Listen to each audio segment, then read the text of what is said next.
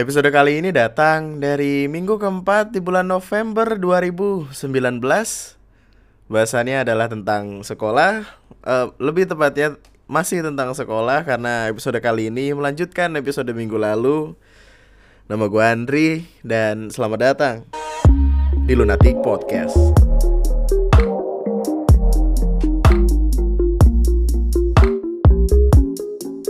Annyeonghaseyo. Konnichiwa. Hai, konnichiwa des. Andri desu. uh, selamat datang kembali, welcome home kayak keset ya kan? Eh, terus gue bilangnya kayak uh, keset gitu kan. Kok keset? Iya kan welcome. Wadah. Terima kasih sudah menyempatkan buat ngeklik dan ngedengerin podcast ini. Terima kasih udah rela waktunya gue pinjem sebentar buat ngedengerin gue cerita, ngedengerin gue ngobrol, ngedengerin gue buat membahas pergibahan duniawi.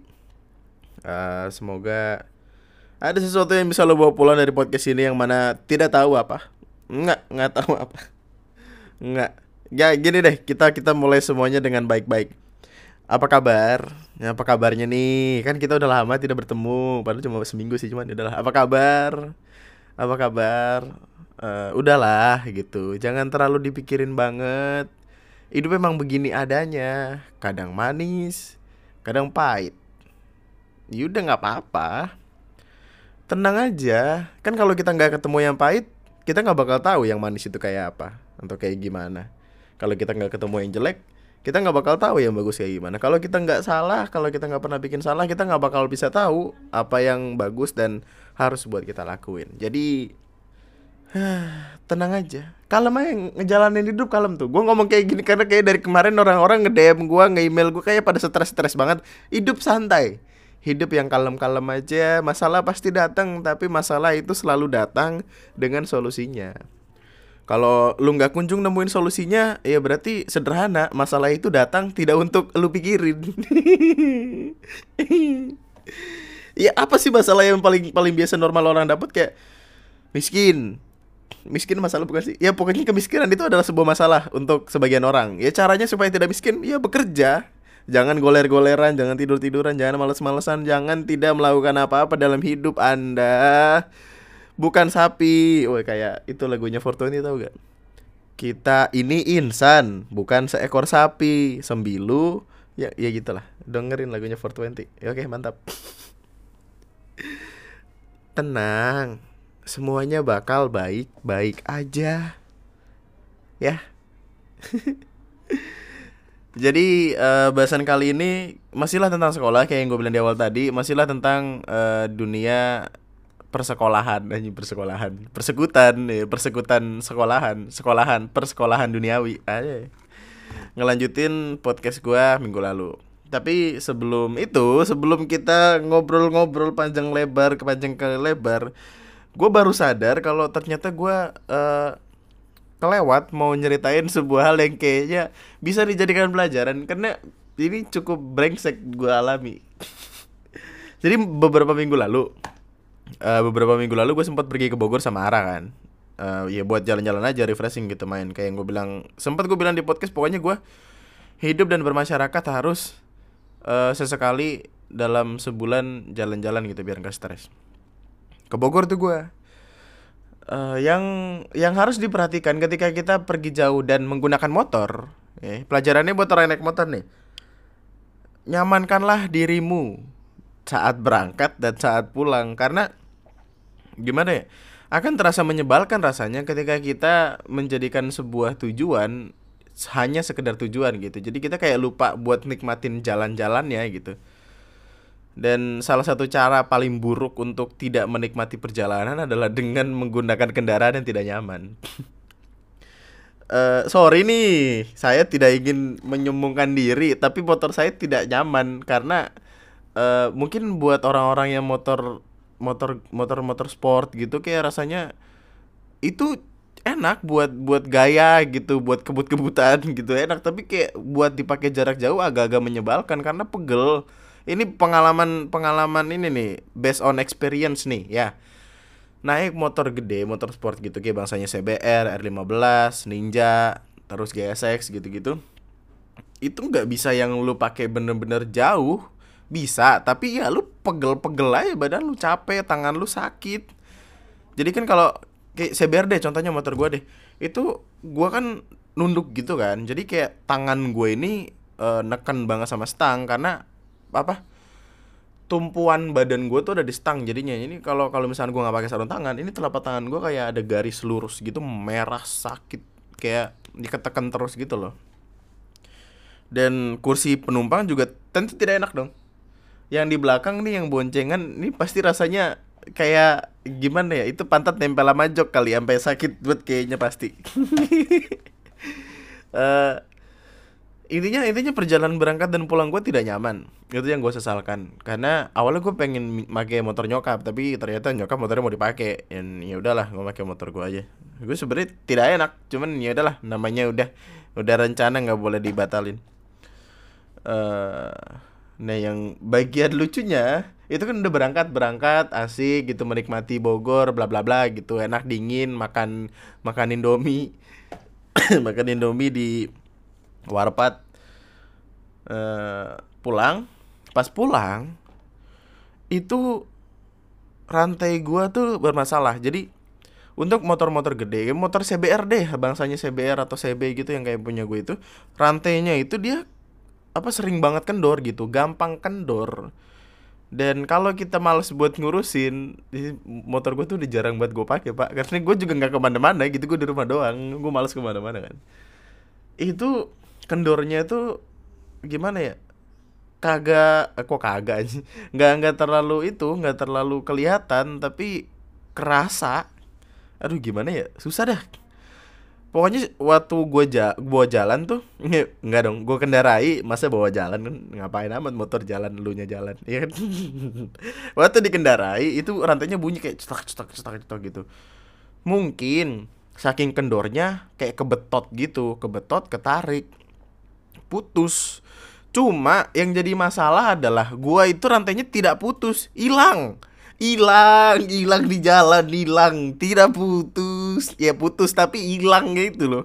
Gue lagi bawa motor nih.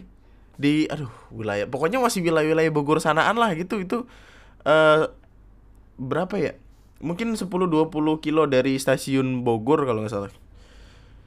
Naik motor biasa tidak ada masalah. Tiba-tiba rantai bunyi cetak cetak cetak. Nah soalnya gue pikir kayak ah, udah biasa gitu kan. Udah biasa tidak ada masalah. Hanya hanya sesuatu yang tidak perlu diperdebatkan relay relay uh, nggak lama tiba-tiba kok suaranya makin kenceng gitu kayak tok tok tok tok tok tok tok. Tahu-tahu gua gas nggak ada tarikannya nih udah mulai curiga nih. Kok digas kayak ngegeber-geber kayak netral gitu? Hmm. berhenti minggirin motor pas dilihat anjing rantainya kagak ada. Hilang. Tidak ada di motor. Jadi itu gue rasa kayak rantainya tuh putus. Tapi putusnya tuh sesuai sesuai lajur sesuai lajurnya sesuai perputaran perputaran rantainya gitu. Jadi molos glosor ke ke tanah apa ke mana gitu. Yang gue pikirin adalah kok nggak ada? Jadi waktu rantainya putus tuh gue sempet yang kayak uh, apa balik kan ke ke jalan ke jalan di mana gua merasa rantai gua bermasalah. Dan nggak ada nggak ada rantai nggak ada apa. Harusnya kan kalau misalkan copot ya di jalan ada gitu. Lagi lagi ngejogrok di situ kan. Kayak lagi ngerokok ngerokok nggak tahu minum minum kopi. Nggak nggak ada soalnya nggak ada. Gua gua ngomong sama ini rantainya kagak ada nggak bisa jalan dong motor gitu Ara juga kayak bingung soalnya itu jalan banyak orang loh. Dan masa sih nggak ada satu orang baik pun satu orang aja deh satu orang yang bilang kayak bang rantainya copot nih glosor gitu lagi tiduran lagi rebahan di jalan gitu. Kakak ada nggak. Nggak nggak ada nggak ada. Gue nggak tahu ada masalah apa sama orang-orang wilayah situ sama gue cuman ya udahlah. Uh, eh, gue sempet yang namanya pengen make Go Fugo Fix ya kalau nggak salah. Pokoknya di Gojek tuh ada kayak aplikasi buat benerin-benerin gitu tapi kayak nggak bisa. Ya udah gue dorong. Dorong dorong motor. Ketemu beberapa bengkel cuma permasalahannya bengkelnya itu bengkel-bengkel kecil gitu. Dan ya mungkin mereka yang tipikal bengkel-bengkel kecil ini eh, nggak uh, didatangi sama motor-motor kayak gitu motor-motor bangsanya CBR gitu. Ya mau nggak mau mesti nyari yang bengkel agak gedean dong yang yang berbagai nyetok banyak gitu loh. Agen agen agen motor agen persatuan. Lama pak dorong buset gopios keringetan ya allah stres. Awalnya pulang kan udah senang kan jalan nyari itu stres lagi ya untung aduh untung ada untung ada. Gue gue pengen bilang kayak untung ada ara gitu yang yang bisa kayak sehat nemenin gue gitu. Tapi kayak itu ntar cisi cisi banget. Jadi kisaran gue gini deh. Carilah pasangan yang uh, dengan adanya dia lu nggak bakal takut buat malu kalau lu kenapa-napa di jalan. Jadi kayak mau motor lu mati mau motor lu meledak di jalan jadi kayak dia bakal nemenin lu aja kayak nggak apa-apa santai lu sih goblok motor kagak dirawat gitu lu coba aja masa rantai hilang? Kagak putus kagak hilang hilang rantai hilang. Ayo lu coba jalan yang gimana ya bagian paling epicnya adalah waktu ngegas. Lah kok tidak ada tarikan waktu berhenti. Anjing rantainya mana? Sepertinya tadi di sini rasanya pengen gue ikut pakai rapi atau gak lu yang penting bisa jalan. Ada nggak ya udah gitu lah pokoknya gitu lah jadi kayak rawat motor lo baik-baik sebelum lo pergi jauh itu kesalahan fatal gue sih buat nggak ngecek ngecekin uh, motor gimana gimana gitu. Untungnya itu ada di di jalanan yang uh, masih padat penduduk lah gitu. Nggak nggak di jalan panjang jauh yang kagak ada orang gitu. Kalau kayak gitu anjing dorong jauh kan capek. Mana berat lagi 130 kilo. Buset motor sama gue mah gedean motor ya. Nah, oke lanjut Jadi, mari kita kembali ke topik pertama kita. Jadi, uh, dari sekian kenangan gue di sekolah, masa-masa SMK adalah masa yang paling gue ingat. Masa-masa yang kayak uh, ingatannya masih terpatri jelas di kepala gue. Kemarin gue udah cerita tentang masalah SD, SMP, terus kemudian SMK. Uh, eh, mungkin kayak ada pertanyaan yang datang kenapa lo lebih milih SMA daripada SMK karena sederhananya ada beberapa aspek yang yang gua apa ya gua dewa dewakan karena kemalasan gue ini. Pertama SMK deket. Deket ya. Ini deket udah paling krusial nih. Gue nggak mau jauh-jauh capek ngapain? Deket dah. Jadi gue uh, sekolah menengah kejuruan di salah satu SMK swasta di daerah Bekasi. Uh, kenapa gue milih SMK juga karena itu bisa langsung kerja gitu loh man. Jadi kayak ada basic buat buat langsung ke masalah kerjaan gitu.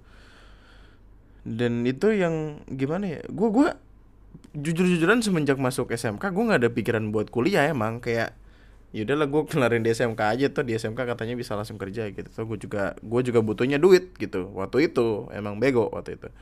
Dan ya sederhananya kayak ya udahlah gue bisa uh, langsung kerja nantinya.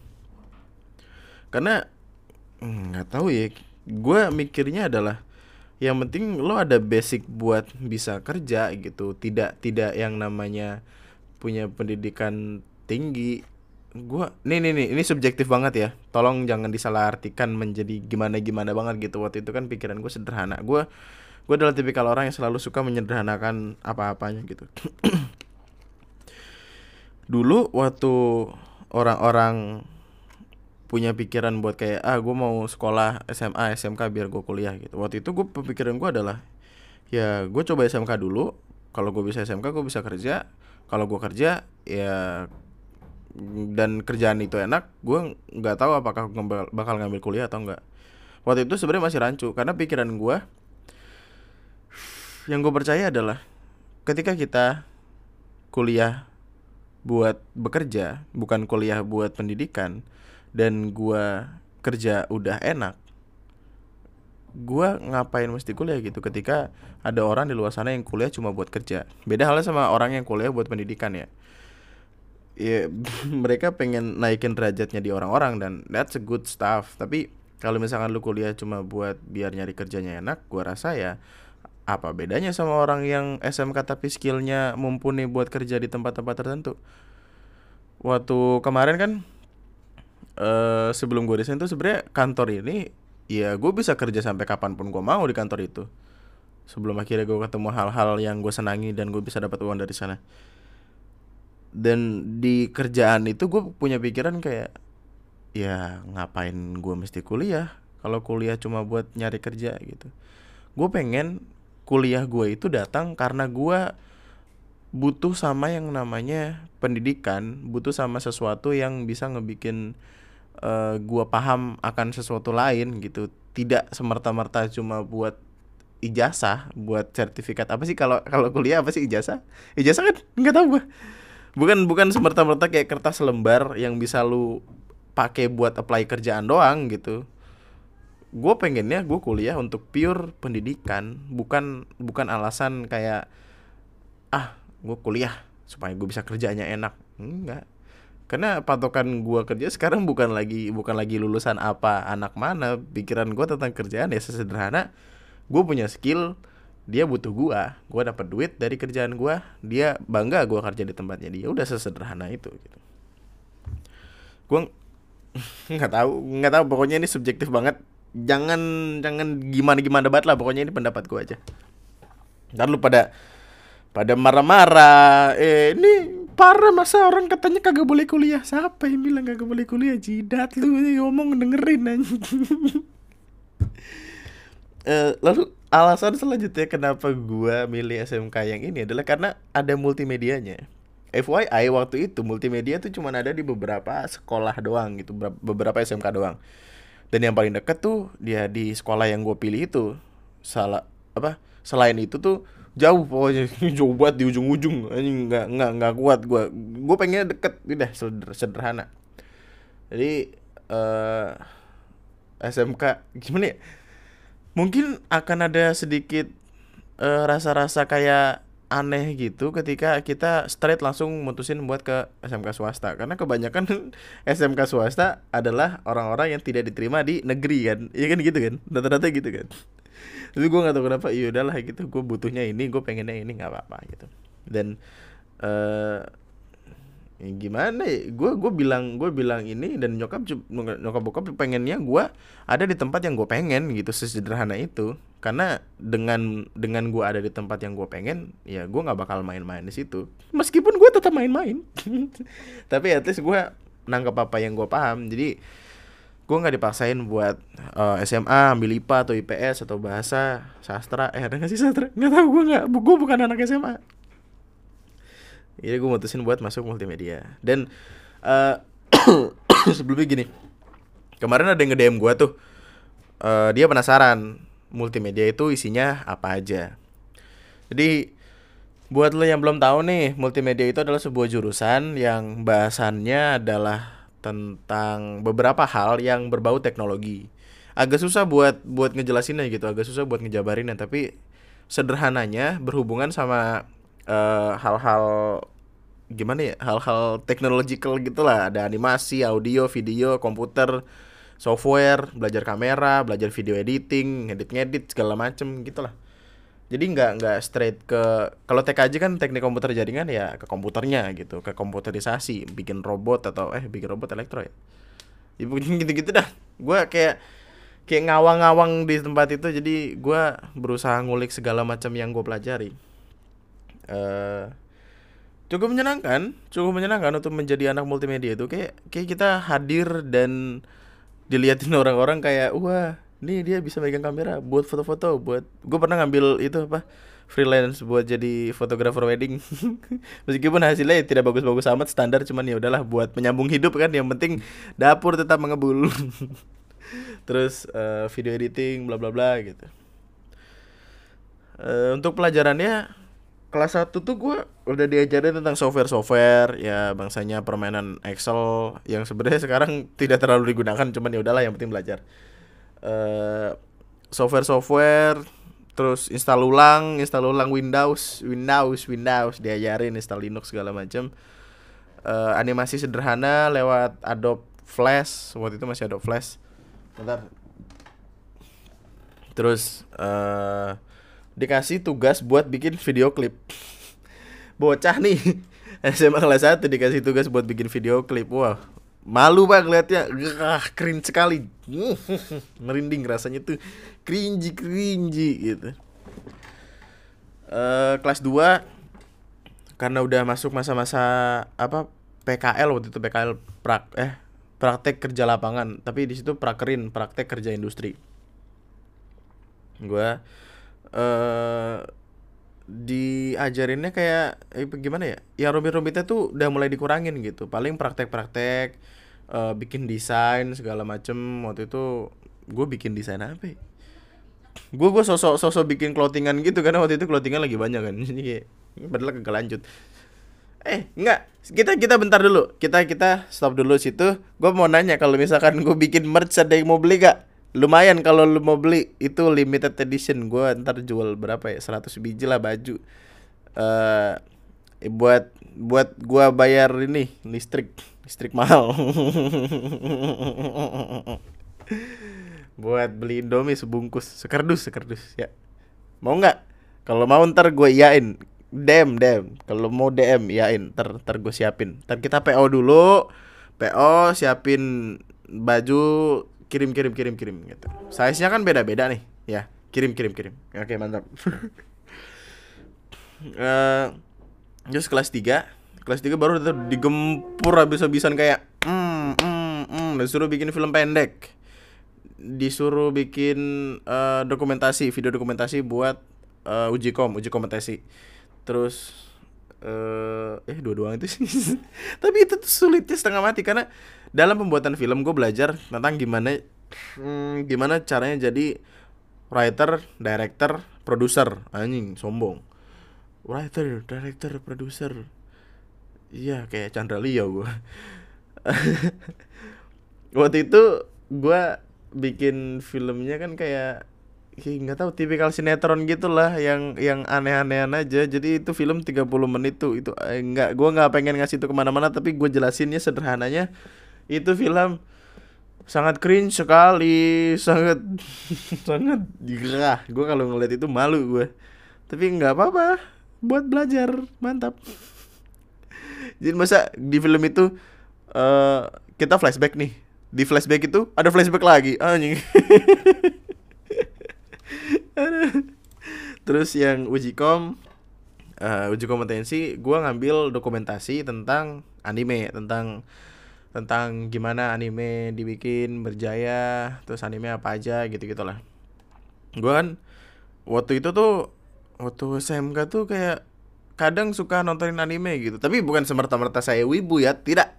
Enggak enggak. Wibu itu gue nggak tahu apaan sih sebenarnya tapi ya, tidak. Saya tidak ingin mendeklarasikan diri sebagai itu enggak. Gue cuma tipikal orang yang suka nontonin anime doang karena storyline karakter uh, ceritanya bagus-bagus aja gitu dan salah satu hal yang paling menarik dari anime adalah apa-apa yang di ada di dunia nyata sama hal kayak animasi deh apa-apa yang ada di dunia nyata tidak bisa itu bisa divisualisasiin di anime dan animasi itu sendiri. Jadi kayak bikin imajinasi lebih bagus aja gitu. Kayak di dunia nyata kita buat mikir kayak ada rumah uh, terbang pakai balon kan rada-rada rada-rada gila ya. Tapi kan kalau di animasi nggak apa-apa lah bagus gitu uh, skip deh itu bahasan nantilah kita bahas tentang anime atau film ntar-ntaran aja. Gue juga itu sempet yang namanya nyimpen anime sampai 250 300 giga anime doang. Anjing gila dah. Boy laptop gue waktu itu penuh sama anime-anime doang. Uh, di SMK itu bener-bener masa pendewasaan yang cukup berarti buat gue itulah kenapa gue bilang kayak SMK adalah salah satu fase paling penting yang ngubah hidup gue sampai akhirnya gue ada di titik kayak sekarang ini. Uh, gue belajar banyak. Pokoknya kan gue nakal-nakalnya itu SMK kak. SMP kan. SMP tuh gue bandel banget bader banget. Orangnya kayak tipikal yang barbar setengah mati. Uh, masuk SMK tuh kayak diperbaikin bener-bener diperbaikin deh gitu. Apalagi kan sekolah gue islami banget gitu kan. Jadi kayak yayasan Islam swasembada gitu gitulah wih ketahuan dong. Pokoknya sekolah agak-agak oh, bukan agak-agak pokoknya sekolah islami gitulah. Nah ini gue ngomong terbata-bata jadi jadi tembok. Bentar cabut dulu minum. Oh ya ada yang mau lewat satu ini. Gue kenal banyak hal baru di SMK kayak gue punya teman-teman baru gue punya kenalan-kenalan baru yang datang dari mana aja. Karena di SMK tuh kayak memaksa gue buat nyari tahu hal-hal krusial tuh di luar sekolah gitu. Eh gimana ya? Pendewasaannya tuh di sekolah tapi temuan-temuan menyenangkan itu ada di luar sekolah gitu. Gue ketemu orang-orang yang datang dari ranah mana aja. Ada penulis ada apa penggambar penggambar. Kok penggambar sih? Apa sih namanya? Uh, desainer komikus komikus. Penggambar aja gak enak banget gede. Uh, waktu SMK kan gue juga sempet yang namanya ikut kelas animasi di SCTV gitu kan. Dan itu waktu itu apa ya kuku kuku rock you gitu gitulah. Masalah animasi belajar. Tapi yang paling gue ingat adalah masa-masa di mana gue barbar. Kayak kan ya namanya namanya masih masa-masa peralihan ya. Jadi kayak bocah-bocahnya masih berasa gitu dari SMP masuk ke SMK gitu. SD ke SMP tuh kayak nakal aja nakal aja tapi nggak bandel gitu. Nakal berubah nakal nggak bandel berubah jadi nakal plus bandel gitu. Nakal plus bandel plus bader plus apaan sih ini anak? Depak kayak depak gitu. Tapi kalau SMK tuh kan masih peralihan ya. Gue bandel-bandelnya masih bandel-bandel ke bawah SMP uh, di sekolah gua kan nggak boleh bawa HP tapi di, di itu di angkatan sekarang boleh ya kenapa? Kagak dari dulu dah. Jadi kan gua nggak boleh bawa HP gitu. Siap gue nggak tahu setiap dua minggu sekali atau sebulan sekali ada razia. Dan beberapa kali ketangkap. Beberapa kali suruh panggil orang tua ambil HP di sekolah tidak apa-apa. Tidak apa-apa. Karena gue eh, biasanya tuh kalau balik sekolah tuh nggak apa ya nggak nggak langsung balik gitu lah. Maksudnya ngelakuin sesuatu dulu gitu ngilangin kebosanan main segala macam terus gue mesti ngabarin orang rumah gitu. Jadi gue mau nggak mau mesti bawa hp akhirnya kepikiran lah. Cara yang lumayan tidak baik untuk ditiru. Jadi kan meja meja sekolah itu biasa ada lacinya kan? Ada ada ruang space buat nyimpan buku atau apa gitu. Laci laci meja lah laci meja biasanya kan orang-orang yang razia itu cuma bakal merisain bagian lacinya aja tuh. Bawah lacinya kan maksudnya kayak bagian lantai-lantai nggak diperiksa. Di bawah laci ini gue pasangin itu apa kayak kotakan gitu loh. Buat buat naruh HP aja. Jadi kayak kotakan rahasia gitu. Nggak nggak bakal diperiksa. Tidak kan selamat selamat. Dan itu adalah cara saya bertahan hidup selama bertahun-tahun sekolah. Mantap. Tapi yang paling epic sih uh, siangan nih. Kesiangan gue masuk sekolah waktu itu jam 6.40 kalau nggak salah. 6.40 apa 6.30 gitu. Pokoknya udah kesiangan lah. Gue setengah 8 gue baru baru berangkat. Nggak tahu gue alarm gue mati apa gimana. Terus gue mikirin cara supaya gue bisa ya namanya uh, tetap sekolah dan tetap selamat. Jadi cara gue waktu itu ini gue pakai baju biasa nih. Pakai baju kaos aja. Jadi kayak gue pakai celana apa celana SMA yang abu-abu tuh eh, SMK SMA ya, sama aja lah pokoknya waktu itu masih bajunya putih abu-abu. Pakai celana gue double. Jadi gue pakai celana sekolah terus gue pakai celana lepis. Gue pakai celana lepis gue pakai kaos. Kaosnya uh, gue pakai jaket. Baju gue sekolah sama dasi gue taruh di tas. Jadi seperti orang orang itu orang biasa aja orang biasa. Orang lagi main ke sekolah gitu. Waktu itu kan uh, bayar-bayar SPP gitu kan. Dan kelas gue tuh ada kelas pagi ada kelas siang. Mungkin uh, gue bakal dikira sebagai orang yang mau bayar SPP aja gitu mau bayar uang bulanan. Dan nggak ketahuan. Selamat. Jadi gue bener-bener yang udah makai pakai kayak baju orang main aja ke sekolah gitu. Terus naik naik ke kelas. Jadinya kebetulan waktu itu kelas gua nggak ada gurunya. Jadi kan jendelanya itu se sedada apa se seleher gitu. Pokoknya eh, seperut sedada. Nggak tahu pala pundak lutut kaki bodoh amat. Jadi gua agak-agak turun gitu. Agak-agak agak nunduk nunduk nunduk nunduk waktu ngeliat eh tidak ada gurunya ya udah masuk. Kayak kayak itu kayak kayak gimana ya? Gue gue masuk kelas diliatin anak-anak terus duduk gitu terus ngelepas baju ngelepas jaket eh ngelepas celana ketahuan celana abu-abu ngelepas jaket diliatin lu kok gini? gitu. Terus gue kayak langsung ada kacamata gitu dah dah dah dah eh sama ada pakai Snoop Dogg. Gitu. Dah dah dah dah dah jadi gue berani bolos karena gue adalah Snoop Dogg. Aduh anjir lucu banget. Ya, pokoknya itu salah satu yang masih masih ada di ingatan gue Pokoknya teman-teman gue tuh kalau misalnya lagi inget-inget hal-hal yang aneh-aneh busuk-busuk gitu yang diinget kejadian itu. Karena tidak ada lagi baru gue doang yang kayak gitu deh. Akhirnya besok-besoknya pada ngikut. Kalau orang pada telat digituin. Aja lucu banget. Uh, jadi ini kipas gue nyalain jadi mungkin agak-agak sedikit noisy nggak apa-apa ya. Kalem ya. Uh, kan jadi kan jurusan gue tuh multimedia. Nah multimedia itu isinya orang-orangnya nggak terlalu barbar lah gitu. Biasanya gimana ya orang-orang dari SMP masuk ke multimedia mungkin karena ketemu kalem gitu cewek-cewek ketemu beberapa cewek terus cowok-cowoknya juga kalem gitu jadi kayak nggak terlalu barbar gitu. Yang jadi apa ya jadi bahan omongan biasanya ini ini no offense ya tapi ini sudah menjadi stereotip di SMK biasanya tuh yang teknik teknik itu lah teknik sepeda motor teknik kendaraan ringan itu yang biasanya isinya sekelas cowok semua itu rata-rata dipertanyakan gitu. Pernah ada kejadian?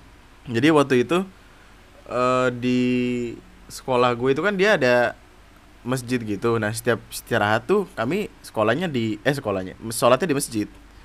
Sholat di masjid SMA SMK nah ada guru-guru juga tuh jadi gedung SMA sama SMK tuh deketan.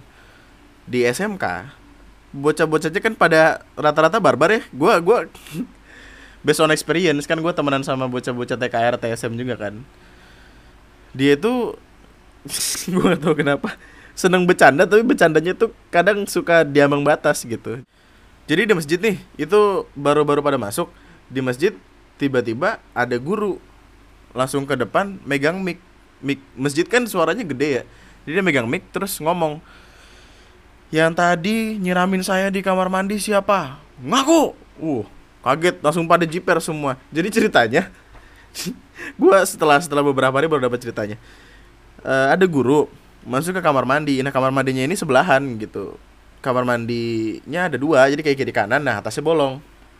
Gue nggak tahu mungkin si ada bocah bocah masuk ke situ terus ada yang ngelihat kalau itu anak SMK nah bocah ini mungkin bercanda. Jadi kan kamar mandi sebelahan. Mungkin dikiranya sampingnya itu temennya atau apa. Gue nggak paham deh apa emang dia sengaja. Pokoknya itu air pakai gayung dicipratin ke samping. Dicipratin ya kena kamar mandi samping dong. Kamar mandi samping langsung basah. Soalnya waktu ngeliat si gurunya kayak bajunya basah. Nggak nggak lepek sih. Pokoknya kecipratin cipratin basah. Tapi tetap aja namanya guru digituin. Kesel lah ya. Kesel dong. Aja gus aduh dosa banget pala. Guru disiram air. Ya allah emang pada durhaka aja orang-orang.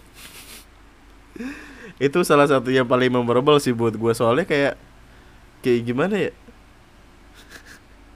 Gue gue kayaknya gak bakal dapat cerita kayak gitu lagi deh. Durhaka sekali guru disiram air. Waduh di SMK juga uh, masalah percintaan gue terbangun. Jadi gue uh, belajar buat dekat sama cewek belajar buat nikung ditikung berantem putus segala macem. Pokoknya dah pokoknya masalah percintaan tuh dimulai dari uh, SMK SMP emang udah beberapa kali dekat sama cewek cuman ya namanya bocah-bocah SMP ya kayak gimana ya otak-otaknya masih masih rada-rada bocah masih rada-rada alay gitu. Akhirnya di SMK gue belajar banyak belajar tentang gimana caranya buat mahamin cewek belajar gimana tentang uh, caranya buat jadi jadi baik aja jadi baik jadi baik. Jadi punya perilaku yang wajar yang enggak uh, apa-apa dilakuin berdasarkan ego gitu. Mungkin udah sempet dengar cerita gue yang dari perbucinan yang pertama. Itu tuh perbucinan itu ya gue ngomongin mantan gue yang di SMK dan ya mungkin gue sekarang harus berterima kasih sama dia karena dengan adanya dia dengan adanya semua kebobrokan yang dia dan gue punya mungkin di hubungan itu gue jadi bisa belajar banyak buat hubungan-hubungannya sekarang. Ya gue bener-bener belajar banget lah intinya. Belajar buat jadi ignorance gue tuh dimulai dari situ dari SMK sebenarnya.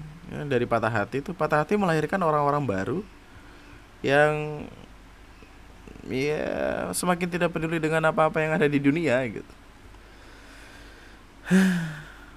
makanya buat buat siapa pun lo yang sekarang lagi lagi ada di masa-masa di mana kayak wah gue ketemu cewek tapi ceweknya kok begini gitu tuh. Wah gue ketemu cewek tapi dia perilakunya gimana gimana banget gitu. Kalem aja.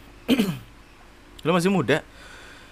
Pada saatnya nanti lu bakal ngetawain cerita yang lagi lu alamin itu. Pada saatnya nanti akan tiba masanya di mana lu menertawakan kebegoan-kebegoan di masa lalu dan lu bisa nyeritain itu ke orang lain dengan ya sambil sambil senyum-senyum ketawa-tawa malu goblok aja. Ignorance-nya gue tuh datang dari dari situ. Jadi seperti orang-orang normal pada umumnya gue nggak gue nggak mau hipokrit dengan bilang kalau uh, susah buat ngelupain dia gitu. Karena emang dasarnya ya gue bertahun-tahun sama dia tuh. Terus waktu kayak waktu putus tuh agak-agak susah gitu. Tapi lama kelamaan bisa lama kelamaan bisa. Dan gue mencoba buat jadi tipikal orang yang tidak peduli dengan apa pun. Tidak peduli dengan sekitar tidak peduli dengan apa-apa yang rasanya bisa bikin gue sakit hati. Jadi kayak terbiasa terbiasa dan lupa dan ya udah dia udah punya dunia sendiri gue punya dunia gue sendiri. Dan nggak ada masalah sama itu. Kami sama-sama bahagia dengan pilihan kami sekarang. Eh kami apa sih? Kami sama-sama bahagia dengan pilihan kami di masa lalu yang berakibat pada kebahagiaan di masa yang sekarang. Jadi buat siapa pun lo yang lagi uh, ngerasa kayak down karena diputusin atau karena lagi digantungin atau belum move on bla bla bla gitu ya. Kalem aja bre. Nantinya akan ada satu orang sederhana yang dengan lu ketemu dia semua kesakitan yang ada di dunia itu bakal lu bisa lupain gitu. Eh Oke, okay, mantap. Di SMK gue juga punya teman-teman banyak banget teman-teman yang yang lucu-lucu yang sifatnya bisa bisa bikin gue ketawa aja dan ada beberapa teman gue yang emang gue keep sampai sekarang kayak sampai sekarang kami masih temenan kemarin aja tuh uh, kemarin bener-bener hari Jumat ini sekarang kan gue di kota Sabtu hari Jumat tuh ada teman gue ulang tahun gitu, gitu. dan orangnya ya kami kami aja gitu meskipun ada satu dan lain hal yang ngebikin beberapanya cabut dari tongkrongan tapi ya nggak apa-apa gue adalah tipikal orang yang suka buat temenan sama orang yang nggak terlalu perlu buat ketemu tiap hari tapi waktu ketemu kita masih temenan. Kayak nggak ketemu seminggu tapi waktu ketemu ya kita ketawa-tawa santai-santai bahagia gitu. Nggak nggak ada tekanan apa-apa. Makanya kalau lo berpikiran kayak wah lo punya temen tapi waktu lo ketemu sama dia lo jadi canggung ya lo mesti pertanyakan lagi tuh hubungan lo sama dia beneran temen bukan? Atau cuma sekedar kenal doang tapi yang paling epic yang paling memorable buat gue itu ada temen gue namanya Widi. Jadi Widi ini adalah orang yang bener-bener berjasa buat ngebikin gue paham arti dari don't ever judge a book by its cover Widi ini dari dari looknya dari by lookingnya gitu deh kita ngelihat dia tuh kayak kayak gimana ya? Kayak orang yang sama kayak gue rumahnya masih dikunci apa kamar mandinya dikunci pakai paku tau gak ya? Yang kalau sampo habis diisi air kocok-kocok ya. Kalau odol habis dipelintir sampai ujung sampai ujung gitu. Jadi Widi ini uh, eh, gue nggak tahu apa yang salah dengan dengan keuangannya atau gimana tapi setiap kali istirahat biasanya dia bakal nawarin ke teman-teman kayak gua atau Ali Parhan ya pokoknya teman-teman kelas lah. Ya eh mau jajan nggak? Gitu uh, pengen sih gitu. Tapi gue mager yaudah nitip sama gue sini gue gua gue beliin gitu. Biasanya kan kalau kayak gitu dia dapat kayak gimana ya kembalinya buat lu lah gitu kayak kayak kembalinya buat lu gitu. Aduh ngomongnya nggak enak deh nggak kayak gimana ya? Gue tuh tidak tidak ingin ngomong dia sebagai pesuruh gitu tapi kayak dia dia menawarkan diri untuk kayak yaudah sini gue beliin tapi nanti kembalinya buat gue gitu. Gitulah semacam itulah gitu.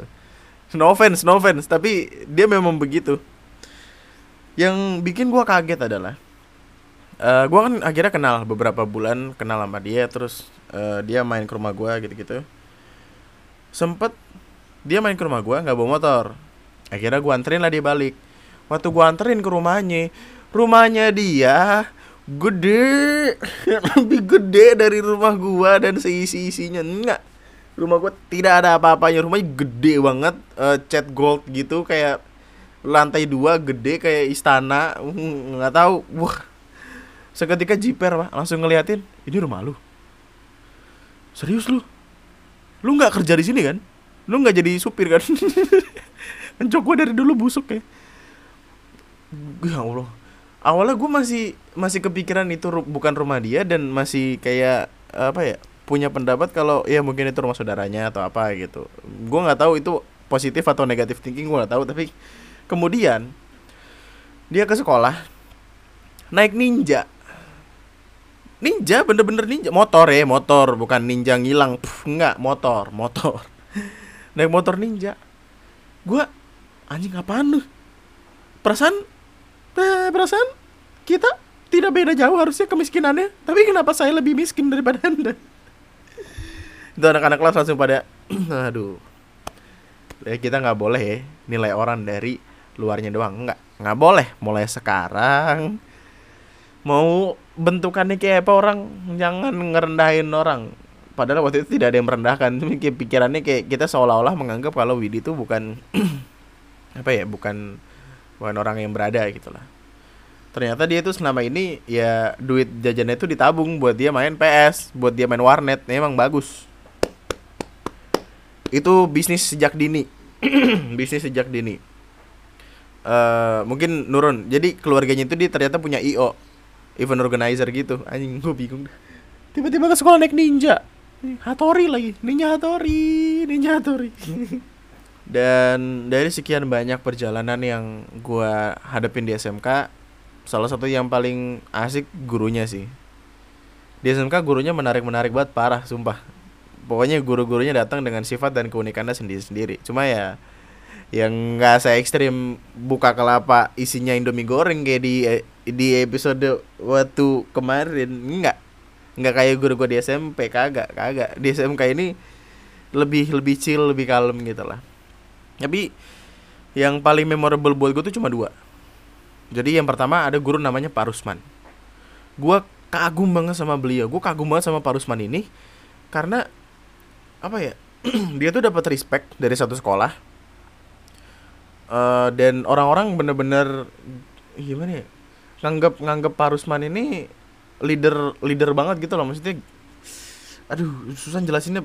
Lu pasti pernah kan ketemu orang yang kayak lu ketemu dia tuh ini orang kayaknya hebat banget gitu lah. Uh, kayak dia dikagumi dielulukan sama orang-orang lain gitu. Pak Rusman ini orangnya baik ramah tapi tegas. Kalau ada yang salah dia benerin tapi kalau lu bandel, lu nakal, abis lu. Gue pernah ya, lagi bercanda-canda nih. Jadi uh, sekolah gue kan itu lantai lantai tiga gitu kan.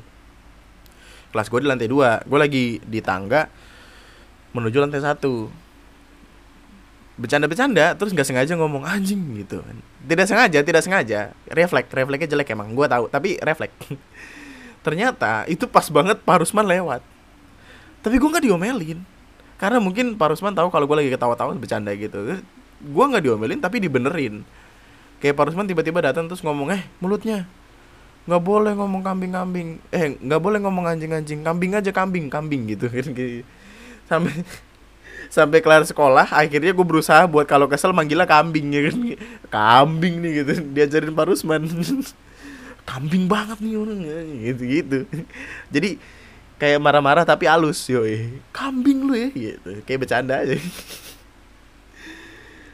Uh, Pak ini adalah salah satu guru yang disegani. Uh, dari tadi gue nyari kata itu susah banget. Disegani sama satu sekolah. Pak Rusman ini udah udah berpulang. Udah meninggal waktu gue kelas 2 atau kelas 3 gitu gue lupa. Uh, meninggalnya karena sakit dan sempat diadain yang namanya kan sholat apa sholat zuhur nih? Sholat zuhur baca baca doa gitu. Nangis pak. Guru-guru pada nangis waktu baca. Gila. Respectnya setinggi itu. Orang waktu waktu ke apa di dibawa ke kuburan tuh ke tempat istirahat terakhirnya rame. Orang-orang pada datang murid-murid juga rame gitu.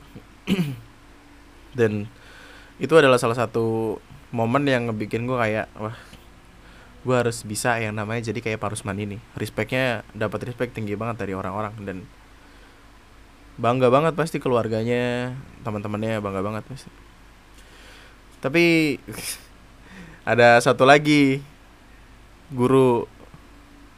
Sebelumnya no offense ya no offense. Guru adalah orang tua kita tapi gue juga nggak mau hipokrit dengan bilang kalau semua guru itu 100% baik. Enggak gitu. Jadi ada guru nih ibu-ibu gitu. Dan ibu ini galak ya setengah mati. Galak banget gue nggak tahu setiap hari PMS apa gimana pokoknya galak banget. Sampai hal yang nggak salah aja tuh disalah-salahin. Dan uh, ada kalimat dari dia yang gue ingat sampai sekarang. Membekas banget di hati kayak celekit banget gitu. Nyelekit celekit apa namanya. Waktu itu gue lagi ngantukan gitulah uh, gara-gara malamnya kurang tidur. Gimana ya perkara rumah lah gitu perkara masalah rumah perkara masalah yang bokap sama nyokap bla bla bla gitu lah. Jadi gue agak-agak ngantuk gitu sampai nyangga nyangga dagu gue pakai tangan kayak kayak orang ngantuk gitu lah. Tapi mata gue masih masih ngelihat papan tulis gitu. Gue juga diem nggak bercanda nggak ngobrol nggak gue diem aja. Tapi kayak mata gue emang agak siwir siwir gitu. Tiba-tiba dipanggil buat ngisi soal di papan tulis lu tau gak sih seberapa deg-degannya orang yang kayak itu emang salah gue sih. Ada salah gue di sana karena gue nggak nggak terlalu fokus gitu. Untuk mengerjakan sesuatu yang kita tidak benar-benar tahu dan di papan tulis deg-degan ada pressure di sana terus gue yang kayak ya udahlah sih aja lah gitu. Salah. Salah dong pasti dong diceramain lah gue panjang tuh diomelin segala macam ini iya gue tahu gitu ada kesalahan gue di sana karena nggak terlalu fokus ngedengerinnya karena pikiran gue ke mana-mana juga. Tapi omongannya tuh nyelekit banget gitu loh. Di depan teman-teman sekelas gue diteriakin diomelin dia bilang kamu kalau soal kayak gini aja nggak bisa. Kamu mau jadi apa? Terus dia tiba-tiba berhenti ngeliat gue oh enggak enggak kamu nggak bakal jadi apa-apa nanti. Tidur aja kamu sana gitu.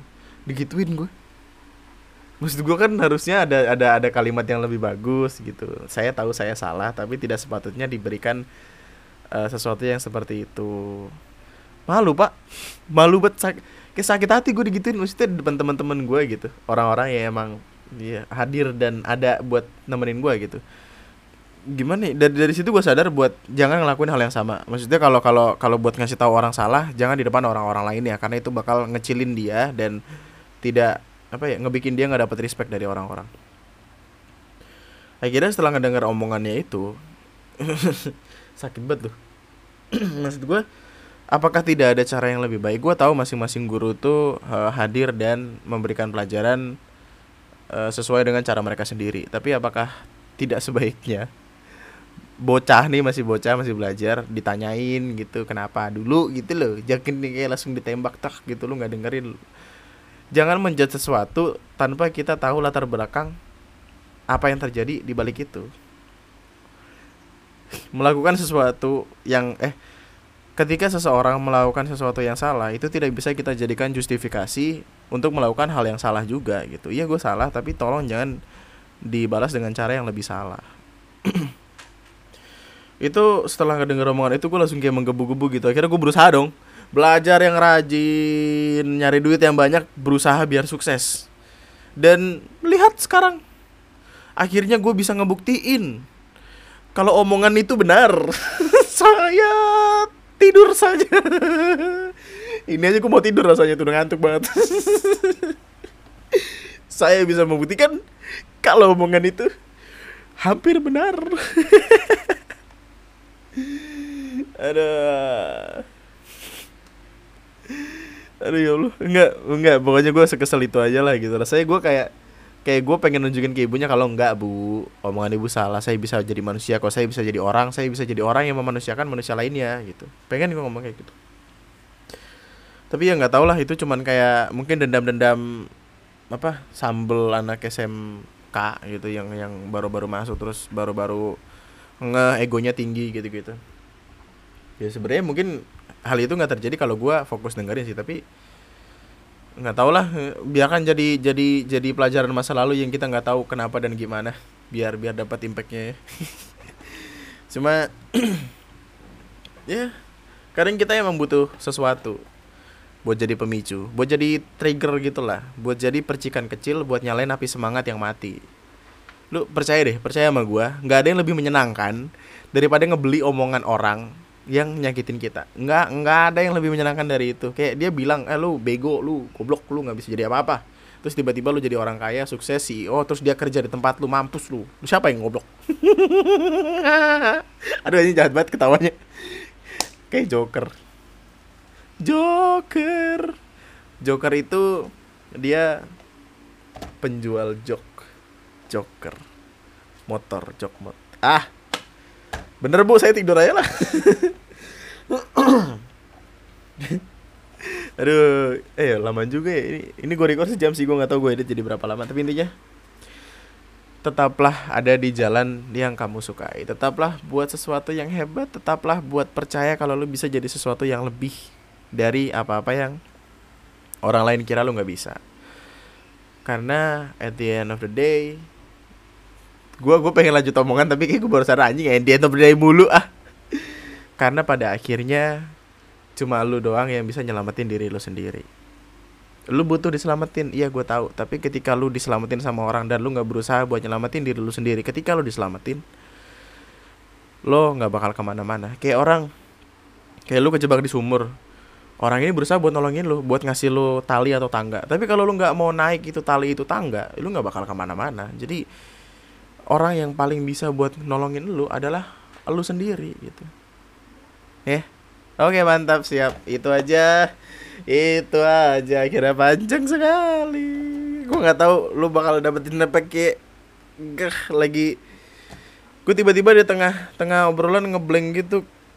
Gak tahu kenapa. Hmm. jadi ya udahlah. Itu aja buat podcast gue kali ini subscribe kalau lo masih mau dengerin gue ngomong follow di Spotify Google Podcast Apple Podcast apa pun itu. Uh, sampai jumpa di video gue selanjutnya. Eh follow follow social media gue di @lunatic_twister ada IG ada Instagram ada Path. Oh Path udah nggak ada uh, sampai jumpa di podcast gue selanjutnya. Sementara itu tetaplah baik-baik saja. Tetaplah berada di jalan yang benar. Tetap yakini apa pun yang lo sukai dan tolong tetaplah tersenyum di mana pun kamu berada. Cie gitu. Karena uh, nyokap pernah bilang tersenyumlah meskipun itu palsu. Karena itu tetap bisa ngebantu lu. Karena itu bakal bisa ngebantu lu di kondisi hampir apa pun. Jadi tetaplah baik-baik saja. Nama gue Andri. Sekian dan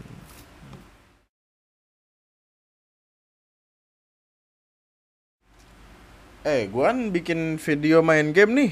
Mau nonton gak lu? Jadi nih selanjutnya nih proyek selanjutnya. Gue bikin akun YouTube channel baru namanya Lunatic Twister. Itu niatnya buat gue bikin game eh buat bikin game buat main game aja gitu buat teriak-teriakan aja. Terus yang kedua gue pengen bikin merch gitu Lunatic Lunatic apa ya yang bagus ya?